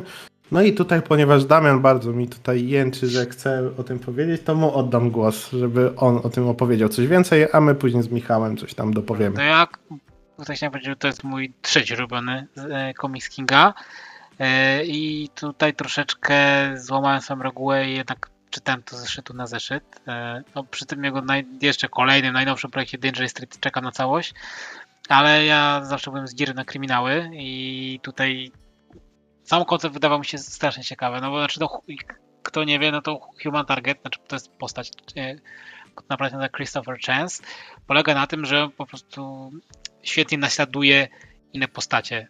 Jeśli chodzi tutaj o no nie wiem, ubiór, styl chodzenia, e, głos, robi sobie tutaj mm, e, makijaż, no, upodobnia się do osób, które ma ochraniać, więc podszywa się po tych, na których życie ktoś chce się targnąć. I po prostu w w momencie staje się rzeczywiście on tym żywym celem i w ten sposób potem udaje mu się pojmać zamachowców. E, no i zaczyna się tutaj od tego, że miał chronić Lexa Luthora, bo prawdopodobnie ktoś będzie chciał go zabić w trakcie jednego z nadchodzących przemówień.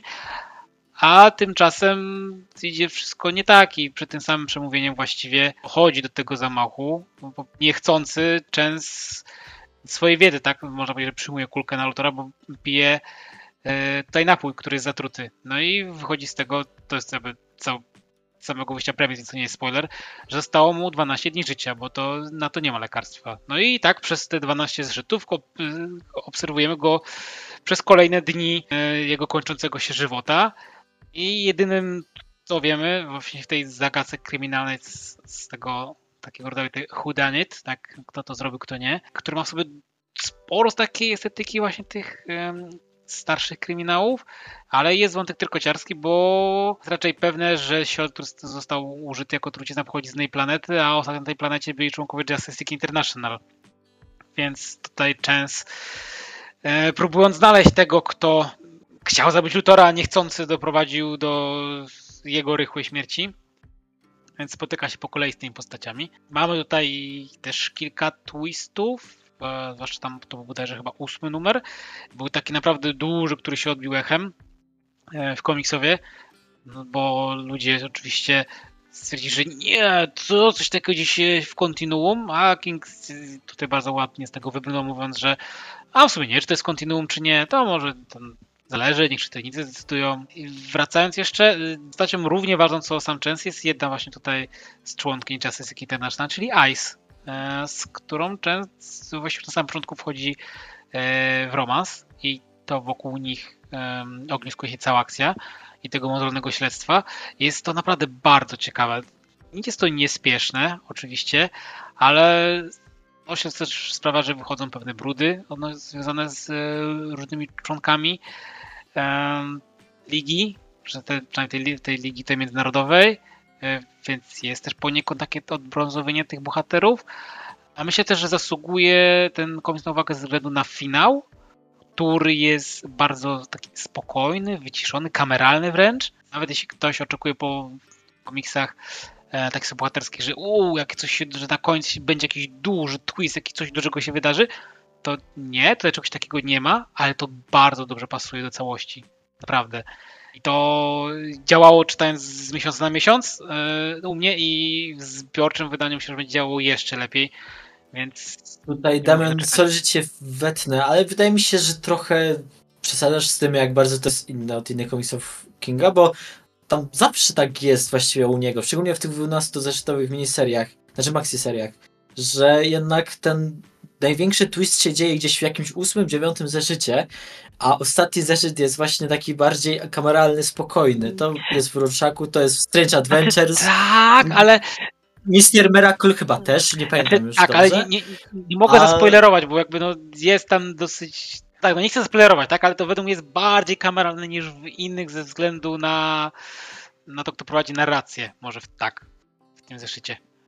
No, w Strange Adventures troszkę też tak jest. Jakby, no jakby, wiesz, mi się to też bardzo podobało. Ja też mogę oczywiście jeszcze dam mogę, skończyć, ale mogę no... się tak delikatnie oczywiście mylić, bo po tym mi się jestem na świeżo Strange Adventures czytałem w momencie, kiedy się ta seria skończyła, no to to było rok temu, półtorej, jakoś tak. No Strange Adventures czytałem raz w całości, tak, to czytałem na zeszyt, no jakby ja jestem zachwycony, to jest dla mnie tutaj, no, jest to na, miejsce na podium zasłużone, więc myślę, że teraz tylko jak przeczytam Supergirl um, Woman of Tomorrow, to to może jakoś mi namieszać na podium, ale na razie jest dosyć stabilne. Ja ze swojej strony bardzo polecam. Zwłaszcza jeśli ktoś lubi kryminały, to myślę, że będzie usatysfakcjonowany. Ja chciałem jeszcze się właśnie odnieść do tego, co, mówi, co właśnie znowu Damian mówił, co się z nim nie zgodziłeś, że ten, że to nie jest taka typowa Kingowa. No moim zdaniem właśnie to Michał ma bardziej rację i po prostu Damian chyba twój punkt widzenia trochę wynika z tego, że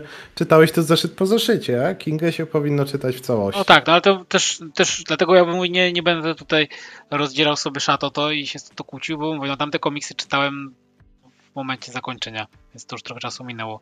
Tutaj jestem na świeżo. I no i byłem na, no, przez, przez rok właściwie, czy nawet chyba to troszeczkę dłużej, bo tam była jakaś przerwa, więc to czytałem, więc rzeczywiście mam tutaj inną relację z tym komiksem, bardziej zaangażowany. Ja właśnie też dosyć niedawno sobie nadrobiłem ten komiks. I też mi się bardzo podobał. Nie na takim poziomie, znaczy nie byłem aż tak zaangażowany w niego jak w Stretch Adventures, Wydaje mi się, że przez to, że w tym Human Targetie troszeczkę nierówny był poziom ekscytacji mojej. W sensie, że niektóre zeszyty były takie naprawdę, naprawdę wciągające, e, a na przykład kolejne były już troszeczkę takie spokojniejsze, ale w taki sposób, że po prostu e, no to moje zaangażowanie opadało. Nie wiem, jak to wytłumaczyć inaczej, ale myślę, że jest to zrozumiałe.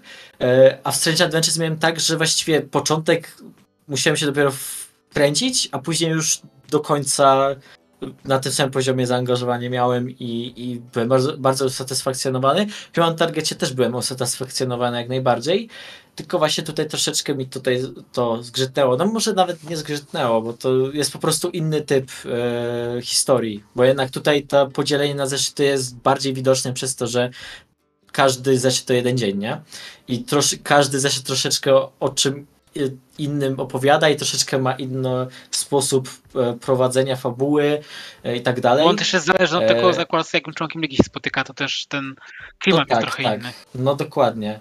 Więc to nie jest wada, ale to jest coś, co zauważyłem. No i kurde, uwielbiam, jak jest Ice tu napisana, bo ona jest od początku taką femme fatal mocno. Ale też nie do Jakby końca właśnie. Wydawałoby nie, się, nie że... tak jak myślałbyś, że będzie. No bo ale właśnie to jest tak, że takim postacią, która bardziej pasowała pod Femme, Femme Fatale jest Fire, nie?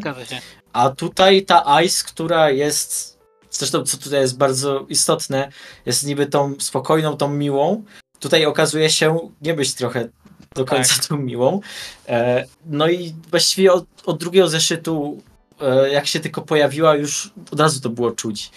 I, I mega się w to wciągnąłem właśnie w tym drugim zeszycie, gdzie pierwszy, no nawet go czytałem kiedyś, jak się ta seria zaczynała i mnie aż tak nie wciągnął. Tutaj ponownie, e, gdy powtarzałem go, no to troszeczkę bardziej się zaangażowałem, ale nadal dopiero ten drugi zeszyt tak naprawdę mnie to wszystko wciągnął. Wbrew jakby tutaj swojej mocy, Ice jest raczej uważana taką bardzo ciepłą postać i taką, no tak, ona jest taka miła, taka, taka, że nie da się jej nie lubić.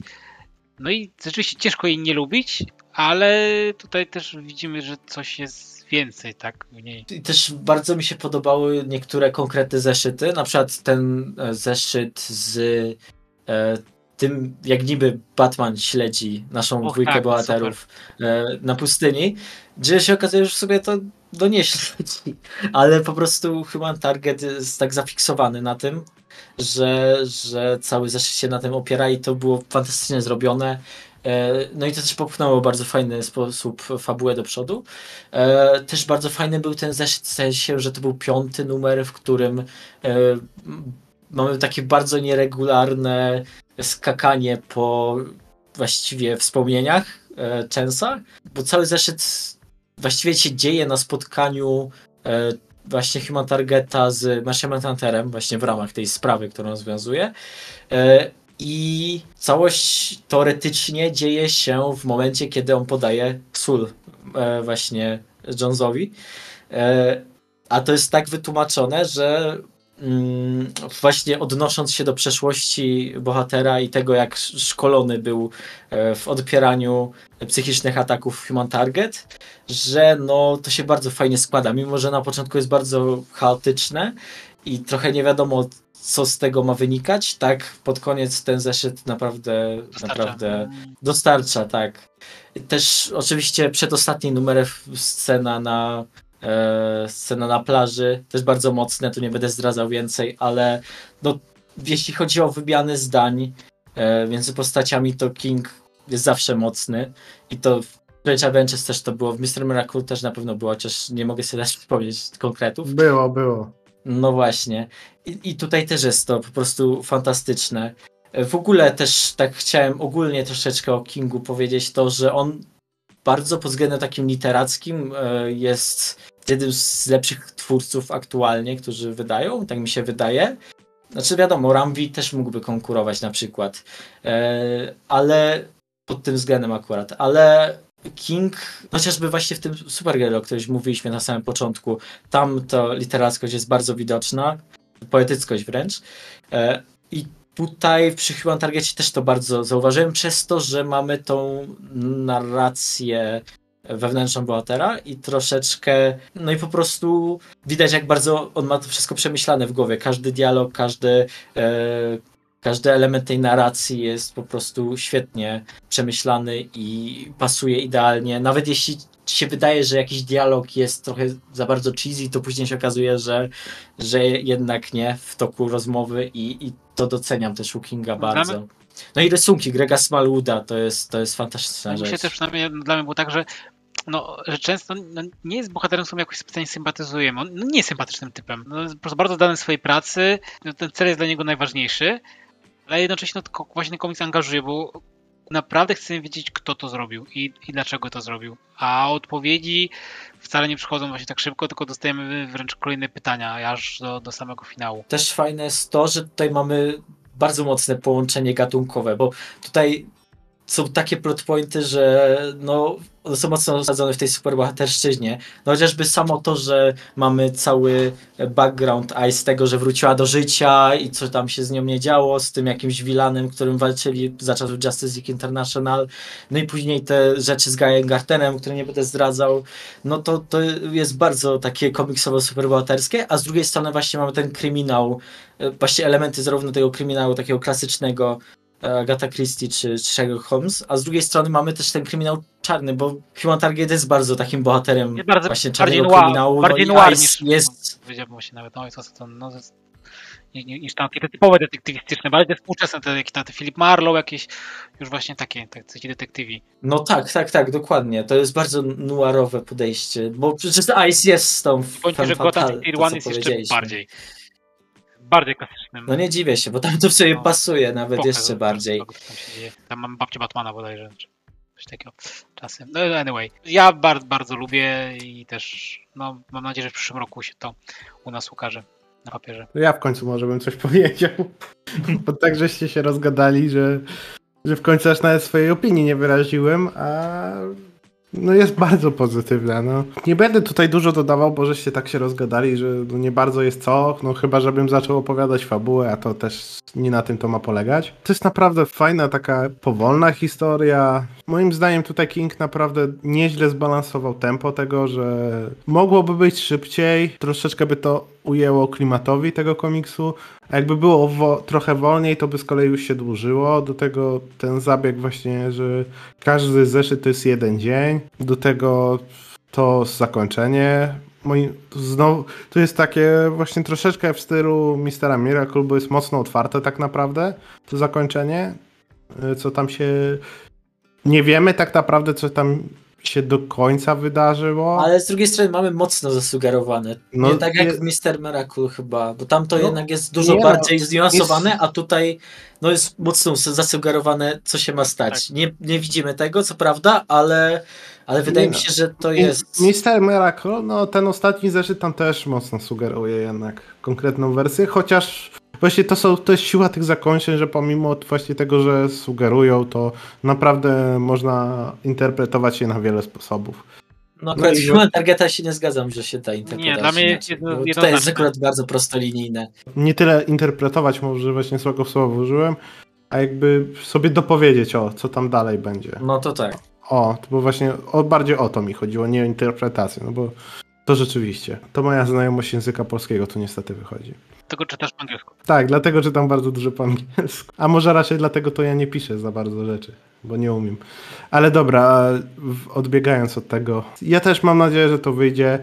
Oby to wyszło znowu w jakimś powiększonym formacie, no bo tutaj praca to jest po prostu, to jest takie, to jest piękne, to jest śliczne, no to, to nie jest, inne te komiksy Kinga naprawdę są ładnie zilustrowane, fajnie, ładnie wyglądają, ale no to jest po prostu śliczne. No. Ja bym to tak porównał, że yy, ten, że prace na przykład Miecza Artsa, no to nie są takie prace, które konkretnie byś powiesił na przykład na ścianie, nie? Jako plakat. No na przykład okładki może, bo to one są bardzo ładne, ale yy, na przykład już w samym komiksie to nie wydaje mi się, żeby było dużo takich scen, które by po prostu pasowały, nie wiem, na tapetę nie, czy ale... na coś. A tutaj u Smaluda to jest bardzo dużo tego i no nie wiem, no chociażby każde pojawienie się Ice czy Fire też takie bardzo bardzo tapetowy vibe. Też te kolorystyka, no. właśnie nie wiem jak są pokazane, właśnie jest jakaś słoneczna, jakaś plaża, e, no, no taki ciepło jest tych kolorów. Właśnie wizualnie ta seria daje taki, taki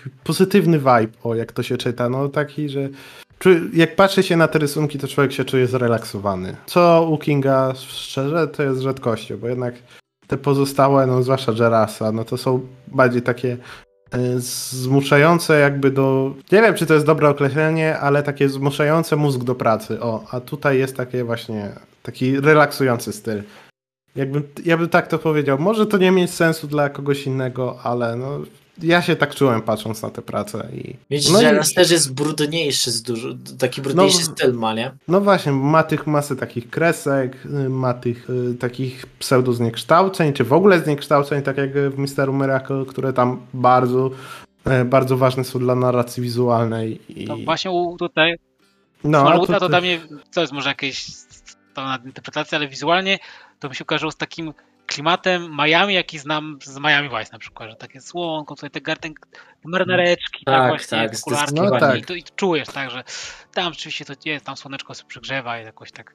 Typ co prawda umiera, umiera no, za kilkanaście Miami, dni, ale jakoś jest. Miami Vice, Vice City, właśnie no. tego typu klimat taki, no to w sumie pogadaliśmy, no taki przeglądowy materiał. Poruszyliśmy praktycznie wszystko poza tymi już w sumie to poza właśnie tym Batman Killing Time, którego już nas, z nas nikt nie, Nie, chciał nie. tykać, no i tego Gotham Year One. W momencie nagrywania jesteśmy jeden dzień przed e, zakończeniem całego, całej mini, bo to jest chyba mini pięciozeszytowa. No w każdym razie, no jutro wychodzi kolejny zeszyt, no ale my z Michałem nie czytaliśmy, Damian coś tam, Damian jest w plecy, plus no trzeba kiedyś nagrać to, a dogadanie też trochę zajmuje, Em, więc Mam nadzieję, To że nagramy kiedyś od Danger to Street, mi- jak się skończy jakoś w przyszłym roku.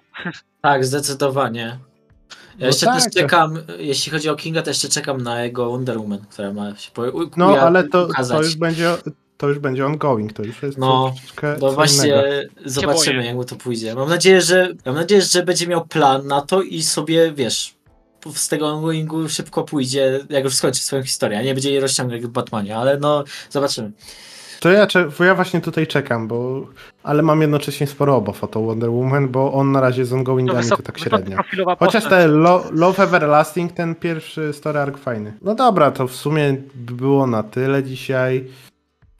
Mamy nadzieję, że się ten przegląd spodobał, że zachęciliśmy Was do lektury tych pojedynczych, czy, czy, cało, czy wszystkich tych do tytułów, jeżeli nie czytaliście. No właśnie, mamy nadzieję, że dob- dobrnęliście. No i tak, to, to by było w sumie już na tyle. Ze mną byli Damian Cześć. i Michał. Hej. Ja się nazywam Mateusz i do usłyszenia w kolejnym odcinku. Cześć! Jeżeli podobał Ci się dzisiejszy odcinek, zostaw łapkę w górę i komentarz. Natomiast jeżeli poszukujesz więcej treści komiksowych, zapraszam do subskrypcji i obserwowania na platformach streamingowych. Zaobserwuj też naszą stronę na Facebooku. Wszystkie linki są w opisie.